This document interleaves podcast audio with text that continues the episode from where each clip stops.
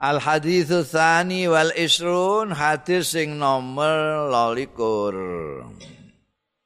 An Abi Abdullah saking sahabat kunyai Abu Abdullah asmane Jabir bin Abdullah Al Ansari. Iki juga orang Ansar radhiyallahu anhuma.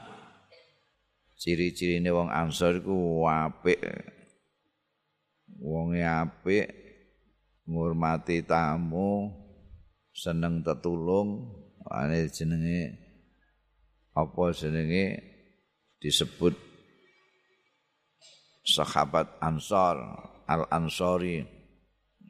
Iku sing disebutkan apa ning Quran dilem itu. Yang mendahulukan orang lain dari diri sendiri. Zaman hijrah hijrah iku ya. Kanjeng Rasul sallallahu alaihi wasallam. Pemenah Kanjeng Rasul ambekan sahabat Abu Bakar nalika rawuh wong wah. Ditarik-tarik iku ontane Kanjeng Nabi Qaswa itu ongkon ning gone daleme. Ngantek Kanjeng Nabi ora enak kabeh terus nyerahno ning ngene untane wis ah ben jalno ae engko ora mandek dhewe. Sak mandeke untaku. Iku tidak hanya Kanjeng Nabi, nanti sekapat-sekapat yang lain datang ya ngono. Oyok-oyokan kepengin ngurmati kan orang yang dari Mekah itu muhajirin itu gak dia apa-apa. Wis wong-wong tok kowe ambek nggawa saline beberapa ngono ae. Ninggal omah, ninggal usaha, ninggal macam-macam ning Mekah kowe. Ning rono ora nggo apa-apa. Wis melarat kae wong muhajir melarat kabeh. Tapi mbek wong Ansor iku masyaallah dihormati, dilindungi. Wis nenggen kula Kang. Nenggen kula mawon. Ngomong. Disediani kamar. Niki pun niki jenengan teng kamar mriki. Padahal kamare mok sitok. Diwehno iki sing lagi teko ke Mekah. Loh, lan jenengan temuni. Kula tak mertu mereka. Ini cara kene ne ya. Kamune kon ning kamare ndekne, ndekne ning pawon. Ndekne ning pawon. Duh, ampun aku jenengan sepundi kok temu mriku niku. Nggih, teng kamar mriku kula pun suwi. Mulai cilik kula teng mriku nganti saniki. Oh, sampean kula tak terima teng mriki. Biyen koyo ngantek didulurno mbek Kanjeng Nabi Muhammad sallallahu alaihi wasallam. Ngantek wis meh ana aturan saling mewaris bareng. Apa saking apike hubungan antara wong Ansor ini. Ini salah satu di antara orang-orang Ansor itu Jabir bin Abdullah ini. Sing riwayat no hadis iki. Iki Jabir ya sahabat, Abdullah ramane ya sahabat. Mulane disebutno radhiyallahu anhuma. Anna rajulan setuhune wong lanang suwiji sa'ala nyuwun pirsa ya rajul Rasulullah ing Kanjeng Rasul sallallahu alaihi wasallam. Faqala mongko matur sapa rajul Ara'aita idza shallaitul maktubat Panjenengan ngendikani kula idza shallaitu Ara'aita itu maknane ahbirni sampean mbok ngabari ngendikani kula? Idza shallaitu tatkalane salat kula al maktubati ing salat-salat fardhu niku. Limang salatan limang wektu niku. Wasumtu lan poso kula Ramadan ing bulan Ramadan wa ahlaltul halal lan kula ngalalake sing halal. Tempe kula halalake tahu kula halalake eh. wa haramtul haram. Lan ngaramno kula al harama ingkang haram.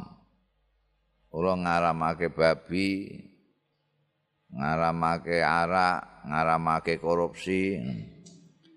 Walam azid lan ora nambahi sapa kula ala zalika ing atase mengkono-mengkono salat maktubat poso Ramadan embe ngalalake halal ngaramake haram. Belas ora nambahi saean ning apa-apa. Adkhulul jannata. Napa sakit mlebet kula al jannata ing swarga? Pertanyaane diplomatis banget Kala jawab sapa Kanjeng Rasul sallallahu alaihi wasallam nam ya isa Oh rawu ngriwayatake hadis iki sapa muslimun Imam Muslim. Wa makna haram tul haram utawi maknane ngaramake kula al haram ingkang haram iku ijtanab tuhu ngedoi kula ing haram. Wa makna ahlal tul halal iku faal tuhu. Nindakake kula ing halal muktakidan khillahu. Hale nekotake halale halal. Oh. Tanyaane kuwi kula niku mok salat fardu tok niku limang wektu tok niku. Poso nggih mboten nate poso liyane, poso Ramadan tok. Ngamal kula niku salat lima waktu, poso Ramadan kula namung melaksanakan yang halal saja sing haram kula doi pun napa mon sing haram kula doi kula namung cari yang halal Lho ngoten niku tok mboten wonten tambahane malih-malih. Kula saged mlebet swarga napa mboten? Hmm, jawabe Kanjeng Nabi iso. Iso, ya. Dadi kowe nek ora lapo-lapo mok sembayang apa sembayang limang waktu poso Ramadan tok tapi njogo iki halal apa haram iki halal apa haram wis iso mlebu swarga. gampang ya gampang ketoke kayak gampang tapi kowe njaga halal haram itu sing berat ning kono nek salat imam maktubah itu sing angele mok khusuke tok khusuke eh piye salatmu khusuk salat roma poso ramadan ya etikane poso sing sing berat. Nek posone angger gak mangan gak ngombe kuat kabeh. Cah SD bahkan TK kuat tok poso. Nek ora mangan ora ngombe tok. Tapi nahan liya-liyane, nahan nafsu, eh? nahan tukaran, nahan bikin apa namimah, nahan bikin fitnah sak piturute iku sing berat.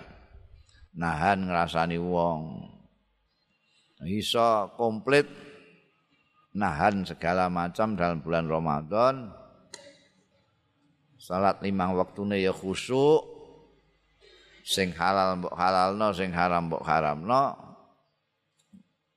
jamin Kanjeng Nabi mlebu swarga naam jaminan swarga. Malah ana dawuh Kanjeng Nabi kullu ummati yadkhulunal jannah. Sekabehane umatku mlebu swarga kabeh. Illa man aba kejaba sing ra gelem. Ra gelem ya aja dipaksa ora gelem. Kok ana wong ra gelem ning swarga? Lho, wong Kanjeng Nabi iku mara ning swarga. kowe gelem ya ngetutno Kanjeng Nabi. Swarga iku rono, Kanjeng Nabi rono. Sing tupu di Kanjeng ning swarga. Sapa umatku kabeh mlebu swarga? Sing gelem. Sing ora gelem ya, sing gelem ya sing ngetutno Kanjeng Nabi. Kanjeng Nabi rono kok kowe rono, berarti moh. Angger ngetutno Kanjeng Nabi berarti gelem ning swarga, mlebu swarga. Nek ora gelem ngetutno berarti moh. Enteng Islam itu kepenak ngono aja ngel-ngel.